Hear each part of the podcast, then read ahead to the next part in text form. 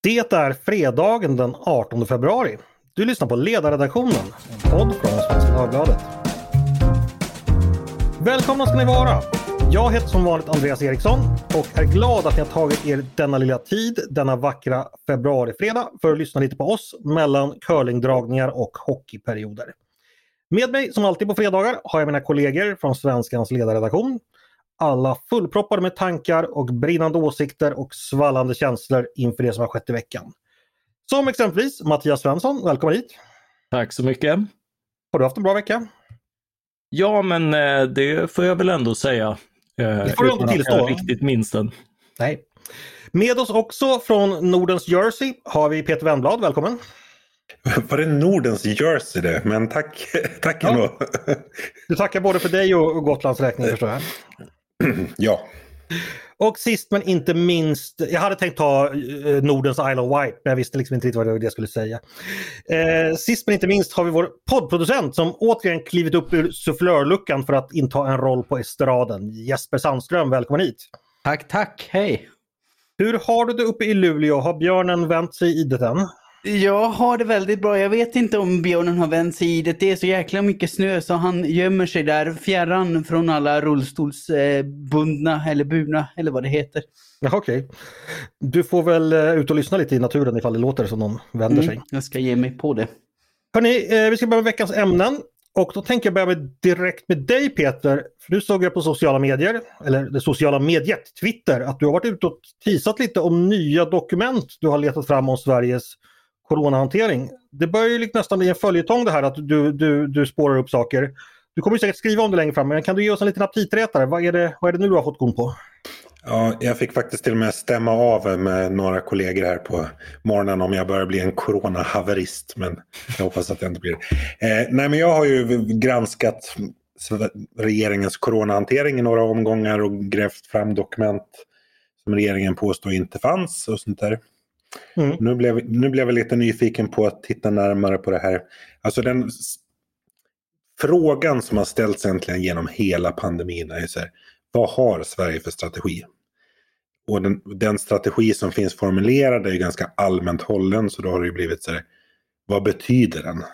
Och där har ju kärnfrågan varit, ska vi minska smittspridningen så mycket som det går? Eller ska vi minska den så mycket att vården klarar av att ge, att ge vård till alla som blir svårt sjuka och eh, behöver till sjukhus. Mm. Eh, och det här har ju diskuterats och debatterats liksom hur mycket som helst.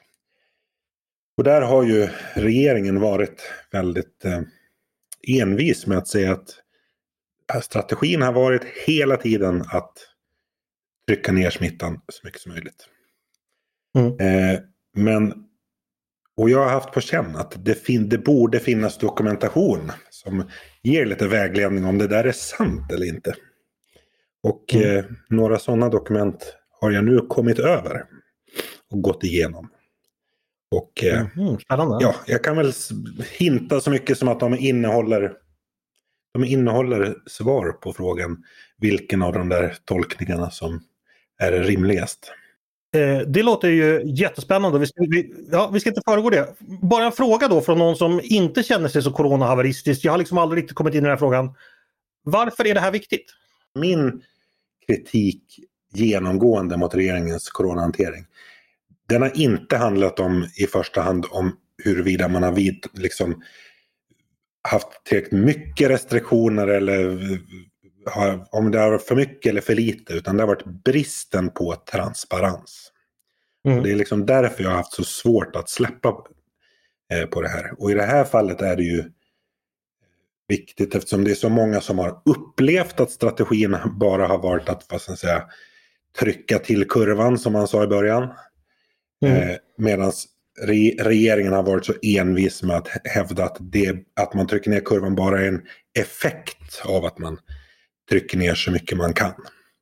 Mm. Eh, och jag tycker att här, vad som är sant här, alltså det är otroligt viktigt för historieskrivningen om den här perioden. Alltså det är ju den största samhällskris vi har gått igenom sedan eh, andra världskriget. Har vi lite otur kanske det utbryter en ny eh, samhällskris vilken dag som helst. Men än så länge är det i alla fall den svåraste samhällskrisen eh, sedan andra världskriget. Eh, och då tycker jag att det är viktigt att reda ut vad, vad det är som har hänt egentligen. Och vad det är som har styrt hur den politiska makten har agerat. Det handlar ju i slutändan om liv och död. Liksom. Mm. Ja, det får man ju säga minst sagt är ett fullgott svar som till och med jag kan begripa.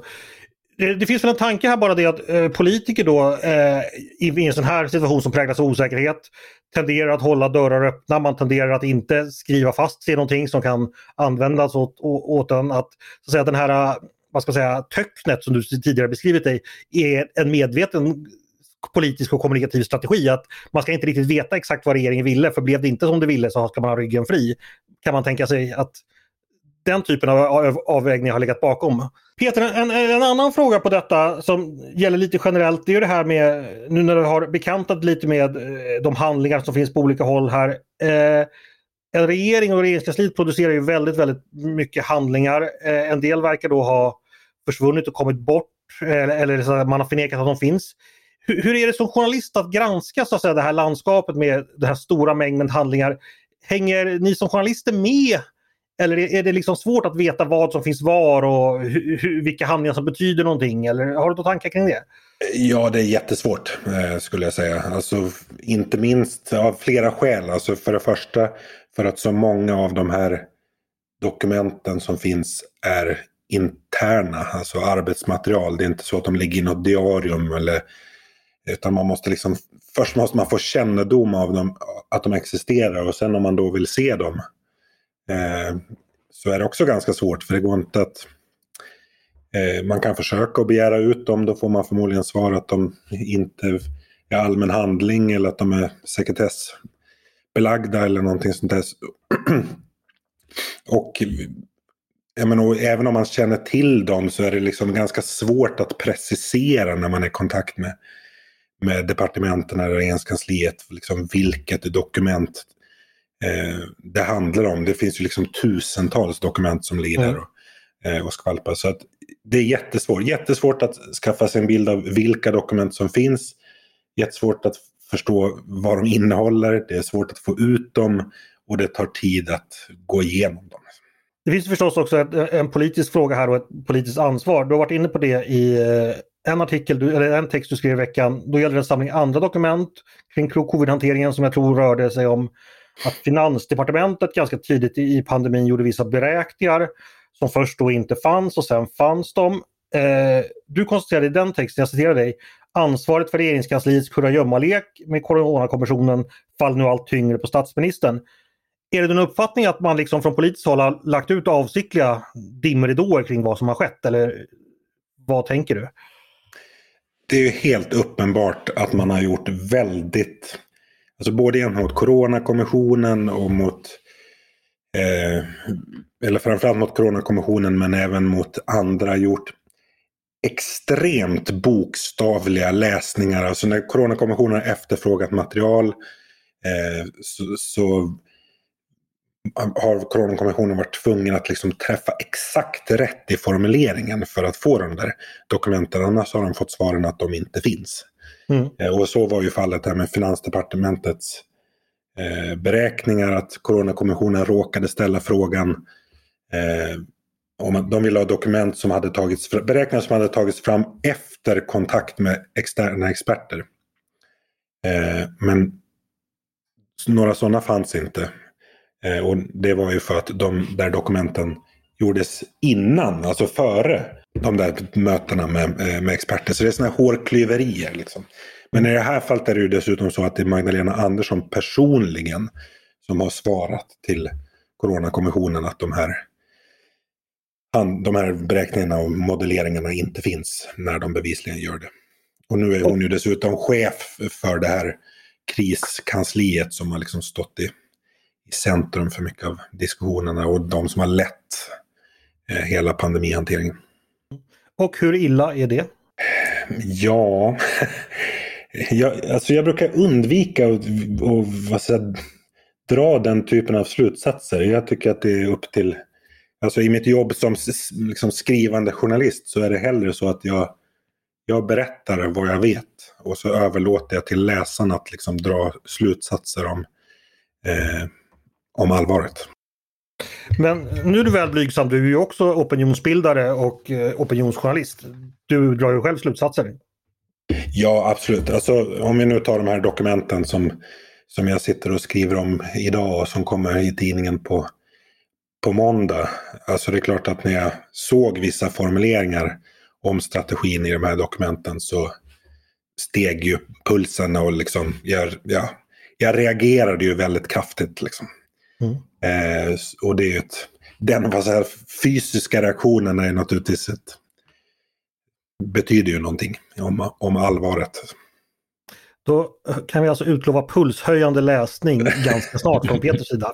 Ja, jag tror vi nöjer oss där, där, så får vi faktiskt eh, lyssnarna då vänta tills det kommer och eh, ladda inför detta. Eh, vi ska gå vidare, eh, tyvärr med ett än allvarligare ämne, nämligen det som sker utanför landets gränser. Eh, som ni vet så eh, fortsätter ju den ryska aggressionen riktad mot Ukraina.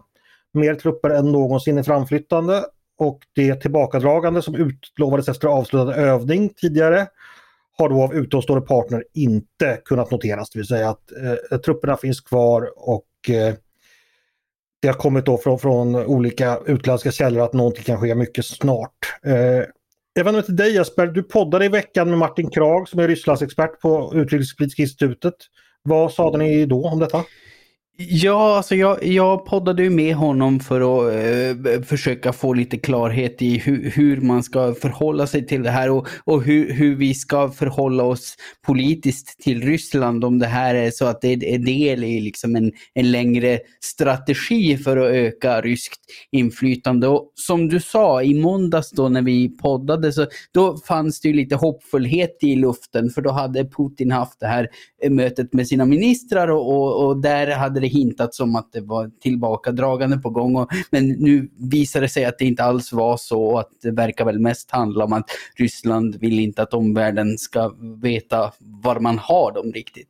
Men, men det Krag sa var ju att Ja, dels att alltså, om, om, om, det blir en, om det går mot ett nytt kallt krig så vinner vi ju inte genom att liksom ge oss på och demonisera Ryssland och börja jaga enskilda ryssar, oligarker eller dylikt. Det är klart att vi ska sätta dit folk om de ägnar sig åt korruption och så vidare, men, men då på samma villkor som alla andra och inte börja jaga folk bara för att de är ryssar som någon slags hämnd eh, på Rysslands militära aktioner nu. Om, om vi ska vinna en sådan kamp om värderingar och samhällssystem, och, då måste vi också visa på, på överlägsenheten i vårt samhällssystem. Eh, att, att man inte börjar jaga de man tycker illa om specifikt, utan att alla är lika inför lagen och så vidare. Mm. Och, och sen så eh, hade han ju också att säga om Eh, ambassadören Viktor Tatarintsev, Rysslands ambassadör i Sverige, som ju har spänt musklerna lite i NATO-frågan och sagt att de minsann inte accepterar att Sverige går med i NATO. Det, det tyckte han att sånt, sånt kan vi bara bortse ifrån för det, det är bara skrammel. Liksom. Mm. Ja, då behöver vi inte tala mer om det. Jag tänkte säga, vi spelar in det här då, eh, alltså fredag eftermiddag och vi vet ju förstås bara det som har hänt fram till nu. Vilket då är lite, eh, den här osäkerheten är ju lite illustrativ för, för alla situationer just nu. Eh, därför tänkte jag vända mig till dig Peter. Du, får då, du, du, du är vice, vicechef på, på sidan. Mm. Eh, hur tänker man då så, som chef på en ledarsida när man står liksom inför en, den här typen av utveckling eh, som man inte vet vad som kommer hända. När ska man skriva? Vad ska man skriva? Hur har du och Tove resonerat? Och hur har vi andra resonerat? Ja, alltså, på, på sätt och vis är det ju lite enklare för oss än för till exempel nyhetsredaktionen på tidningen. Nyhetsredaktionen ska ju fortlöpande liksom rapportera om händelseutvecklingen. Mm. Eh, och därför är det ju liksom det är otroligt svårt att få liksom bekräftelse. Det är otroligt mycket uppgifter i, i omlopp. Och vilka av dem som är sanna och vilka som är falska eller olika grader av, av sanningen. Det är ju enormt svårt eh, att veta. Eh, så att för vår del gäller ju lite grann att alltså, säga så mycket, kunna säga så mycket och bidra så mycket som möjligt till läsarnas förståelse för vad det är som händer och vilka slutsatser man ska kan dra av det utifrån det knapphändiga information som finns. Eh, men sen he hela tiden liksom följa läget och, och agera på det som man ändå med viss säkerhet kan, mm. kan säga stämmer. Liksom. Vi ska säga det, jag tror inte det har gått ett redaktionsmöte de senaste veckorna då vi inte på något sätt i alla fall har berört det här. Sen har vi inte skrivit varje dag för det har liksom inte tillkommit ny information eller vi har inte bedömt att vi har någonting egentligen nytt att tillföra till det vi har tidigare sagt. Men det har ju verkligen varit så att vi har följt det och vi har ju också på redaktionen Olof Ehrenkrona som är eh, både väldigt kunnig och har utomordentliga kontakter också via sina tidigare men där får man säga, där ju, har vi ju en enorm styrka i det här med att vi, så här, vi har å ena sidan vårt skrivna utrymme i liksom papperstidningen och på webben. Men vi har mm. också podden och där är ju, podden är ju ett, ett, fantastiskt format för att ha en diskussion och göra en analys och dra slutsatser utifrån ett osäkert underlag. Alltså att kunna vara helt öppen med det. Det är ju svårare i, i, det, det, i det skrivna ordet.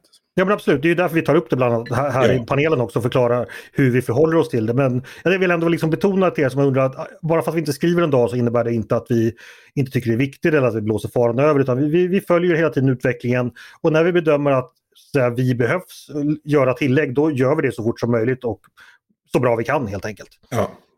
Eh, det är väl en sammanfattning. Eh, jag vet inte om ni andra har någonting att tillägga. Mattias, tänker du någonting kring detta?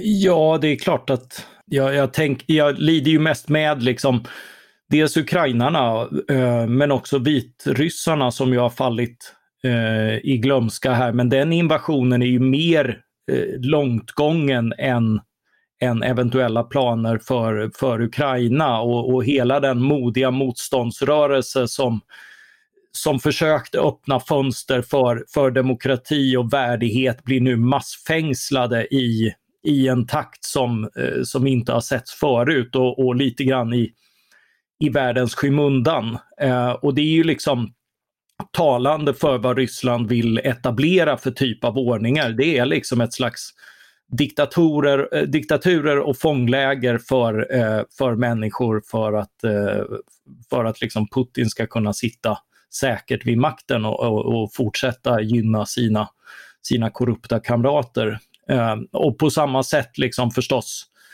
Ukraina där, som nu får uppleva liksom att eh, ja, hotet gör ju att eh, folk lämnar, flyglinjer dras in, det slår mot deras ekonomi mer än mot den ryska och, och sådär. Och det är redan en, en befolkning som, som lever på en ganska, ganska låg nivå eh, europeiskt sett och som, och som har svikit så många gånger också av sina egna eh, makthavare. De har gjort två fredliga revolutioner för att få bukt med liksom halv, halvkorrupta, halvoligarkiska eh, eh, när de varit på väg mot, mot samma typ av, av e-, e-, envåldshärskarstyre som i, i Ryssland så har befolkningen rest sig två mm. gånger och, eh, och ändå så har det varit väldigt svårt att att reformera ekonomin och det blir förstås inte lättare av, av de här ryska ingreppen. Nej, så är det ju. Det är klart att man har tankar på, eh, på dem. Mm. Det, det är både tappert och ett beundransvärt folk, absolut. Eh, Jesper, jag tänkte något annat som kom fram eh, eller dök upp i ditt huvud när du, du, du pratade med Krag angående hur situationen ser ut just nu? Uh, nej, om, om det var något annat, något nytt som dök upp i, i mitt huvud vet jag väl inte. Annat än att det stärkte mig i den här tanken om att, jag, för jag har stört mig så på i, i diskussionen om NATO att man säger, som, som Magdalena Andersson uttryckte det till exempel, att det är inte läge att eh, ändra Sveriges säkerhetspolitiska linje just nu. Lite som att, ja men vi ska ju inte börja, vi ska ju inte börja rycka i saker nu när, när ryssen är på dåligt humör. Det, det, det är ju en, en väldigt, väldigt räddhågsen och medgörlig attityd som, som jag inte vet vad vi tror att vi har att vinna på, på att visa upp. För att det, som, som Krag också tog upp i podden, det är ju inte så att, att Putin respekterar grannländer bara för att eh, de, de, har liksom strukit honom medhårs förut. Nej. Utan, utan han, han, han har någon liksom, liksom ganska personlig och emotionellt betonad dröm om ett Storryssland och, och som Mattias säger en strävan att säkra sin egen makt. Och, och det tänker han att göra till i princip vilket pris som helst. Mm, tills de sätter stopp. Det, det, det var någon som sa det, vilket är ganska illustrativt, att av de före detta Sovjetrepublikerna som inte är medlemmar i NATO så har ju samtliga på ett eller annat sätt rysk trupp inom landet. Det är ju bara Estland, Lettland och Litauen som, som inte har det som då valde att bli NATO-medlemmar eh, för ganska länge sedan nu. Eh, det här föranleder oss faktiskt att gå över till eh, ett liknande ämne. Eh, jag vänder mig till Peter igen. Eh, när vi pratar Ryssland så behöver vi naturligtvis också prata vår, vår, vår egen säkerhet och vår egen försvarsmakt. Du har skrivit i veckan, eh, det är ju så att när Försvarsmakten nu växer och blir större och gör mer blir det ju en del buller och bång när de övar förstås. Mm. Och då behöver man miljötillstånd. Eh, och sådana tar tid. Eh, så att du kan väl... Ja, det, det är väl en typisk Peter Wemblad-historia du har här på lut. Men berätta. Ja, nej, men när, när försvaret liksom monterades ner under eh, 90-talet, det sammanföll ju med att vi fick den här miljöbalken och liksom de hårdare kraven kring miljötillstånd eh, kring millennieskiftet. Så att nu när Försvarsmakten liksom ska växla upp igen, Mm. ja, då, då är man helt plötsligt i behov av en typ av tillstånd som man inte behövde vad säger, tidigare. Eh, inte minst då för sin övningsverksamhet, alltså när, när man ska öva på sina skjutfält. Hur mycket man får skjuta, hur mycket man får låta, hur många dagar man får öva. Det finns liksom massa sådana här. Och det här tar otroligt lång tid. Och jag skrev då i ett, eh, om ett fall Göteborg eller Göteborgs södra skärgård där det alltså tog från att Försvarsmakten började arbeta med sin tillståndsansökan eh, 2002 så fick man inte sitt tillstånd förrän 2021. Det tog alltså 19 år. Och det, det, och, och det har överklagats så att det är fortfarande inte liksom eh, helt klart. Nej, men, och det här har ju även försvaret självt pekat ut. Försvar, Totalförsvarets forskningsinstitut har liksom sagt att när nu försvaret växlar upp så måste de ha en räkna med att från att man sätter igång eller så ska etablera ett nytt regemente till exempel till att det är liksom up and running så tar det tio år. Fem till tio år. I ditt fall så är det så, man får, om man då ska utbilda värnpliktiga får man då börja med miljötillståndet innan de värnpliktiga ens är födda. Så att säga. För det, det tar, ja men det blir ju så, det tar 19 Ja, år. precis. Ja, Eh. nej, men så är det. Ja, finns det fler exempel? Eh, På Gotland har det väl varit en hel diskussion om skjutfält och sånt också? Ja, därför fattade ju riksdagen beslut om att återbesätta Gotland 2015 var det väl. Mm. Eh, och det miljötillståndet för Tofta skjutfält som det heter, det är inte heller helt klart. Sen i det fallet har Försvarsmakten liksom fått ett ja, tillfälligt tillstånd i väntan på att liksom, eh, frågan avgörs så att de kan bedriva eh, verksamhet. Men det har varit väldigt, väldigt stökigt. Och det tråkiga är att det, här- det är ganska, ofta ganska onödigt. Alltså på Gotland är det ju så att det är en helt onödig konflikt. Därför att eh, det är egentligen ingen, vi är ju vana med Tofta skjutfält. Det var ju aktivt i många, många år. Eh, så det bullret som man upplever därifrån, det är nog väldigt få gotlänningar som tycker att det är ett problem. Men enligt lagen är det ett problem. Mm. Eh, och därför blir det då också ett problem för Försvarsmakten. Så det är egentligen liksom, det är bara i lagtextens mening som det finns ett problem här. Eh, men det får ju väldigt stora praktiska konsekvenser. Och det är liksom den stora, vad ska jag säga, den övergripande konsekvensen för Sverige och för liksom vår försvarsförmåga, det är ju att det tar väldigt lång tid för oss att växla upp. Alltså nu kan det ju gå fort här framåt. Alltså säg att Ryssland går in i Ukraina igen här i, under de närmaste dagarna. Alltså vad, vad följer här? Det, det, är ju, det är ju snabba vändningar här på ett sätt som vi inte har sett tidigare. Eh, mm. Ja, 19 år eh, framstår vid, vid sidan av den, den händelseutvecklingen som lite för Ja, långsamt. ja, man ser om man tittar de här 19 åren då har liksom Putin hunnit bli premiärminister eller president fyra gånger och premiärminister en. Så att det, Mm. det, han hinner väl vara inne på sin tionde mandatperiod innan. Just det. Eh, och Försvarsmakten ska då växa på flera håll i landet ska sägas. Eh, det är ju flera regementen på, på, på olika håll som ska återupprättas. Och övningsplatser och sådär. Så det, det är verkligen, jag tänker på dig Mattias, ni brukar ju ha svårt att bygga på Lidingö men här finns det tydligen nimbister som är, eller i alla fall möjligheter för nimbister att sätta mer käppar i, i hjulet än så till och med. Ja, det är ju, det är lite intressant. Jag, jag har till och med eh, hört eh, skvaller om att folk är upprörda om eh, nimbismen vad gäller försvaret eh, här på Lidingö. Så, eh, så, så, just, just det här fallet tycks, tycks ha gått för långt i mångas ögon. Kan vi inte förlägga ett övningsfält på Älvik då ifall Lidingöborna gärna ställer upp för, för kronan i det här fallet? Ja, det finns ju plats så kom bara. vad, vad skulle Ulf Brunberg säga om det? Ja, nej, men det vore lite kul att testa. Jag tänker Andreas att du som programledare kanske ska förklara vad nimbism är för någonting. Det, är inte ja, alla... det har du helt rätt i. Det är ju då eh, en eh, förkortning för eh, Not in my backyard som då syftar till väljargrupper eller liksom opinionsgrupper som säger att man inte ska bygga någonting på ens egen bakgård. Man vill inte ha, man säger alltid att bygg gärna nya bostäder eller bygg nya övningsfält men inte där, där min sommarstuga ligger. Eh, ibland har ju den rörelsen övergått till det som kallas bananas som då är då build absolutely nothing near anything else eller något sånt där. Att man inte bygger någonting överhuvudtaget. Eh, vilket då gäller i vissa fall. Men med just NIMBY då, då, då är det så att man, man, man är för Försvarsmakten men, men man vill in, inte ha några kustartilleripjäser just framför den egna badbryggan. Så att säga. Nej, och miljölagstiftningen är ju konstruerad för att ge NIMBYister maximalt inflytande. Mm. Alltså även om de i slutändan inte får rätt så finns det fantastiska möjligheter att förhala och vad säga, mala ner den som vill göra någonting. Precis som du Peter, jag är uppvuxen eh, granne med militär verksamhet. På landet var vi ju, har jag alltid varit ute i skärgården då nära det så kallade Erstabatteriet 1270 på Landsort som då sprängde och brakade enormt i min bar, bar, barndom och det var alltid så spännande. Och så kom de och kollade eh, skorstenstocken efteråt och kollade ifall den hade spruckit. Och hade den det så fick man lite pengar och laga den av Försvarsmakten.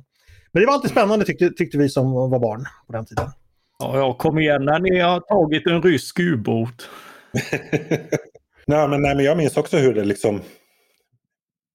Ljudet av min barndom, det är ljudet av liksom skallrande fönster. När det, när det sköts på skjutbanorna eller när artilleriet var ute och övade eller när det var flyget som eh, flög över hustaken. Mm. Du hör Jesper vilken barndom vi 70-talister har varit. Vi är uppväxta i, i rena beredskapstiden. ja, det, det, hade ju hunnit lugna ner sig lite när jag växte upp. Farfar var ju överstelöjtnant i Boden så jag har ju lite ja, titta, du kunde också. blodsband in där. Men jag har inte riktigt hört det dundra fullt så mycket. Du vet, skolmatsalen det var ju ett fältkök och man fick ju ärtsoppa i snuskburk. Det var det. Och... Om man hade tur. Annars var det fältranson. Apropå sådana där miljökrav så noterar jag liksom att eh, min barndom så var det då kustbevakningen som var liksom stridsropet att spring ner och släng er i vattnet för nu blir det rejäla svallvågor. Men nu får de inte köra lika fort för bryggägarna har protesterat. Hörrni, in eh, skärgård. Precis. Eh, det blev ju lite uppsläppet där trots det allvarliga ämnet. Men vi ska naturligtvis återkomma som sagt till situationen utomlands vad det lider och också naturligtvis till Försvarsmaktens tillväxt. Eh, nu ska vi gå vidare. Eh, vi ska till Mattias Svensson och då brukar det bli lite lättsammare. Så dock inte idag tyvärr för du ska prata om ett eh, dödsfall nämligen. En, en kär person och eh, skriftställare och opinionsbildare som gick bort i veckan. Berätta Mattias. Ja, det är dock lite upplyftande eftersom det var en väldigt rolig person som försvann. Mm. Så han lämnar ju ett, ett eh, tomrum efter sig vad gäller framtiden men, men han har ju satt avtryck. Det den amerikanska eh, satirikern och journalisten P.J. O'Rourke som eh, gick bort i tisdags. Mm. Berätta lite om honom för, för folk som inte riktigt vet vem han är och var. Ja, eh, han, han var ju alltså en ganska typisk 40-talist-boomer, eh, född 1947 eh, och, eh, och som så många andra maoist, marxist och eh, hippie under sin eh, studietid. Men lite tidigare än andra så klippte han sig, skaffade sig ett jobb och blev eh, republikan. Uh, och mm. inte bara i smyg så att han röstade på dem för att få sänkt skatt när han börjat tjäna pengar utan uh, öppet och ogenerat och uh, kom ju då att, att komplettera. Han började ju då med eh, att skriva humor för National Lampoon på 70-talet. Eh, och sen blev han eh, utrikeskorre. Eh, Rolling Stone skickade honom överallt. Eh, så han var liksom runt i världen och var, var missnöjd och berusad och, eh, och ofta väldigt vanvördigt rolig. Om, om man, man ska läsa någon bok av honom så är Holidays in Hell ett bra tips. När mm. han åker runt i 80-talsvärlden och besöker liksom apartheid Sydafrika och eh, eh, vad heter det där i Australien, den här kappseglingen. Whitbread around the world race fanns det. Ja, fast den utgick ja. ju från Southampton förut och senare från Göteborg tror jag. Eh, men den passerade Australien så det kanske var det. Ja, någon, någonting så. Han, han är mest illamående och, och spyr. Uh, och det nu kommer ofta... vi få segelfolket få på oss. Först förespråkar vi att kustbevakningen ska köra sönder bryggor och nu vet vi inte, kan vi inte namnge den här tävlingen. Ja, förlåt Mattias, fortsätt. Ja, det, det, det är ju illa men uh, men, men det, är, det är liksom roligaste är när han åker till, till den här kristna eh, Heritage Foundation med, med eh, den här Jimmy Baker, tv-evangelistpredikanten eh, med hustru Tammy Faye. Som, det, det, var någon skandal med, med sex och droger men det var verkligen ingenting sånt på den här eh, resorten han besökte med sin dåvarande flickvän och, och liksom får får tankar om att det här är white trash som kan bete sig och tycker att de, de hade nog haft det bättre om de var i Ku Klux Klanen här. För där hade de i alla fall fått klä sig i något, något halvt anständigt som lakan istället för 80-talets fritidsmode och sånt där. Mm. Så, alltså han är väldigt vanbördig och eh, med åren så började han rikta den här vanbördigheten inte bara mot eh, Eh, eh, om, omkring i världen utan också mot eh, staten, politiken och ekonomin och, och detta med, med ganska eh, libertarianska konservativa eh, glasögon och det blir väldigt roligt när han åker runt i parlamentet, Parliament of Horse och han eh, skriver om att han är också ganska skoningslös mot republikanerna som han håller på, att de är, de är partiet eh, som säger att staten inte funkar och sen blir de valda och bevisade. Uh, och, och Demokraterna är de som lovar att uh, du ska få precis allt, bli snyggare och allting. Det är bara det att det, det inte, att det inte funkar. Liksom. Uh, och, och, Han hade en väldigt avslappnad inställning. Han skriver om amerikanska, amerikansk vänster, då, liberals, liksom att, att liksom de, är, de är bortskämda snorungar och sådär. När jag, när jag skriver det får jag inte då höra att jag är nazist. Liksom, sådär. Jo, det är ju orättvist sådär liksom. Men istället för att bli kränkt så säger han att han låter inte det, han låter inte det bekomma honom. För ingen har någonsin haft en sexuell fantasi om att bli bunden vid sängen och sexuellt utnyttjad av någon som är utklädd till liberal. Men du, eh, blev han aldrig, eh, eh säga, denna nya sköna tid, eh, cancelled? Att folk tyckte liksom att han borde, ja, han var så politiskt inkorrekt så att han inte borde skriva mer? Eh, han, han, lyckades faktiskt inte, inte riktigt bli det, eh, trots att han eh, exempelvis när han besökte Sverige 1996, vilket eh, finns i ett reportage i Eat the Rich, så är han eh, så amerikanskt fascinerad över vår svenska lag mot barnaga att han skojar om det. Vad gör svenskarna då?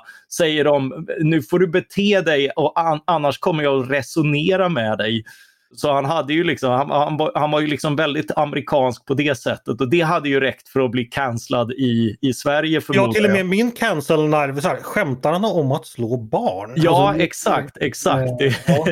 det, är nästan lika, lika jobbigt som att han var eh, kritisk till, eh, om inte aborträtten så i alla fall abort som företeelse. Eh, mm. så, så, så, men med detta sagt, han, han var liksom, eh, det, han, han gjorde liksom eh, mycket av frihetligheten en tjänst i det att han var inte intellektuell. Han hade liksom inga stora tankar och idéer men han hade en känsla för iakttagande. Liksom. När han kommer till Sverige så noterar han exempelvis att Ja, i, I Frankrike så får man frågan när man åker hem och i Italien får man frågan hur man trivs. Och I Sverige så kastar sig folk över honom med frågan vilka är vi och vad håller vi på med? Mm.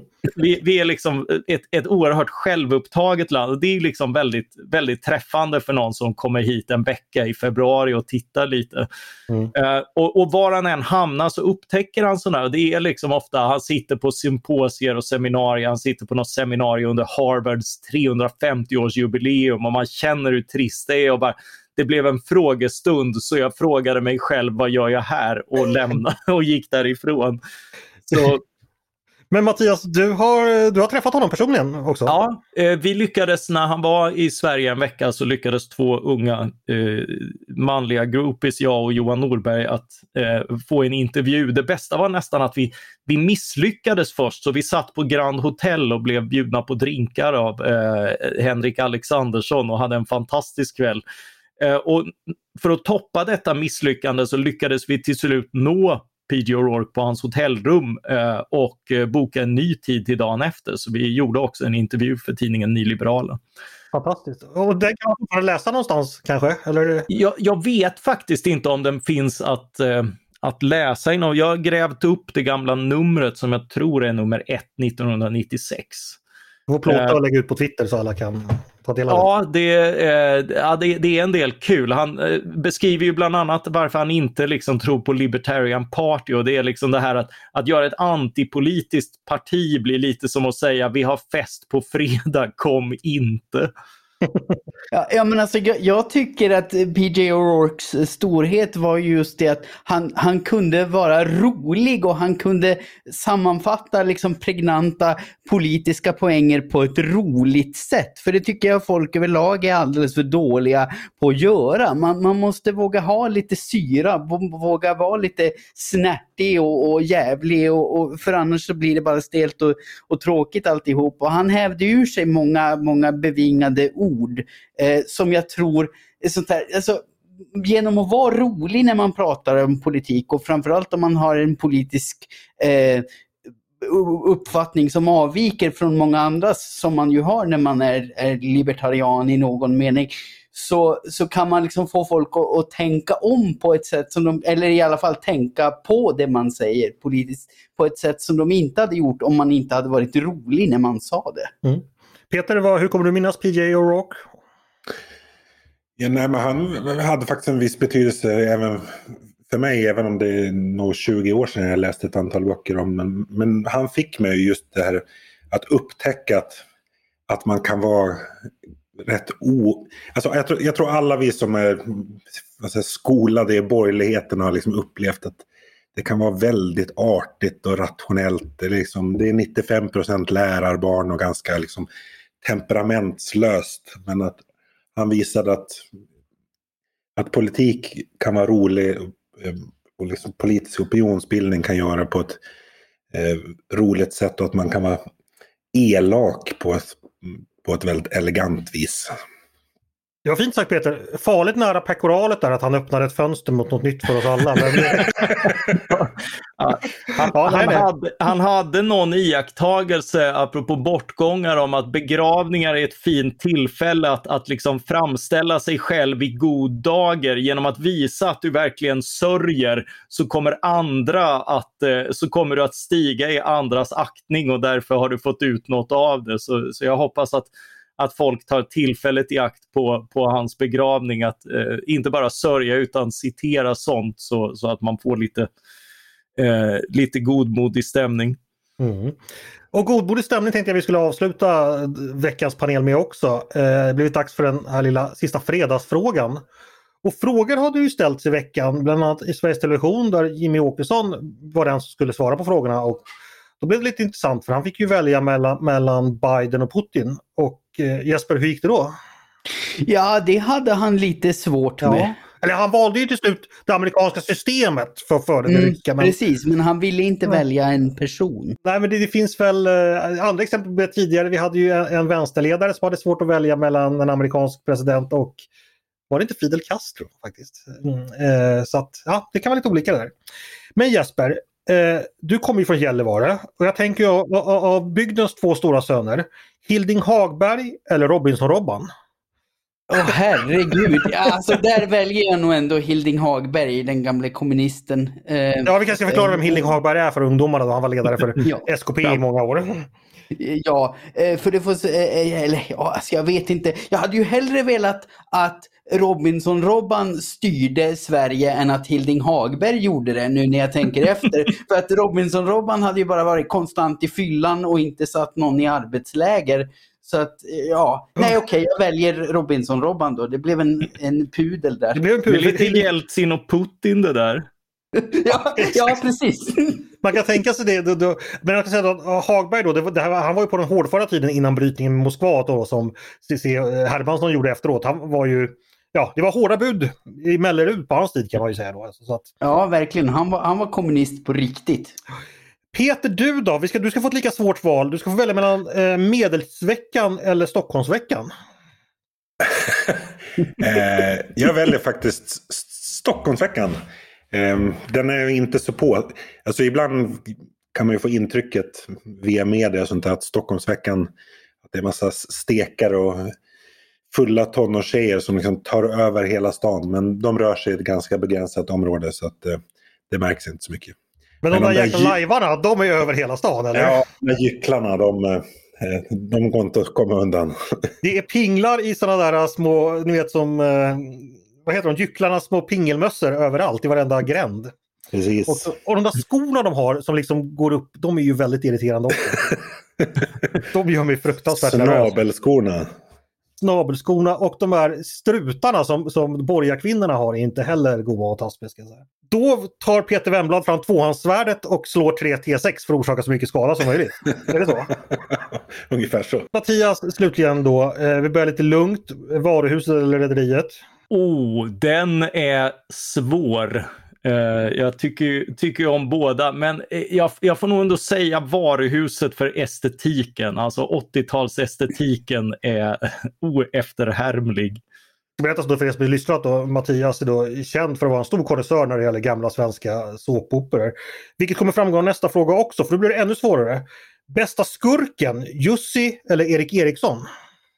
Och Erik Eriksson förstås, detta eh, eh, delikata rövhål Heinz Hopp som faktiskt gör ett kort inhopp i, eh, i Rederiet i ett avsnitt som elak tysk kommunist. För det här var på 90-talet när kommunister kunde vara elaka i SVT. Ja. Vi ska, ska vi säga då att det är inte Heinz Hopp vi tycker är ett rövhål, för det var ju en hedersman och en stor skådespelare, utan han spelade då rövhålet Erik Eriksson i, i varuhuset. Kära Margareta. Eh, vi fortsätter lite på samma tema. Eh, bästa ungdomsbrottsling, Jens eller KK? Oh, eh, ja men där, där snackar vi. Ja, men, eh, KK är ju sympatisk, så jag väljer ju definitivt, man är ju på hennes sida. Jens är ju, är ju liksom eh, också ett rövhål. Liksom. Ja. Och förstås Jag hade- jag- inte skådespelaren utan karaktären. Jag hade faktiskt inga starka minnen av någon av dem, men jag, jag har två namn jag minns.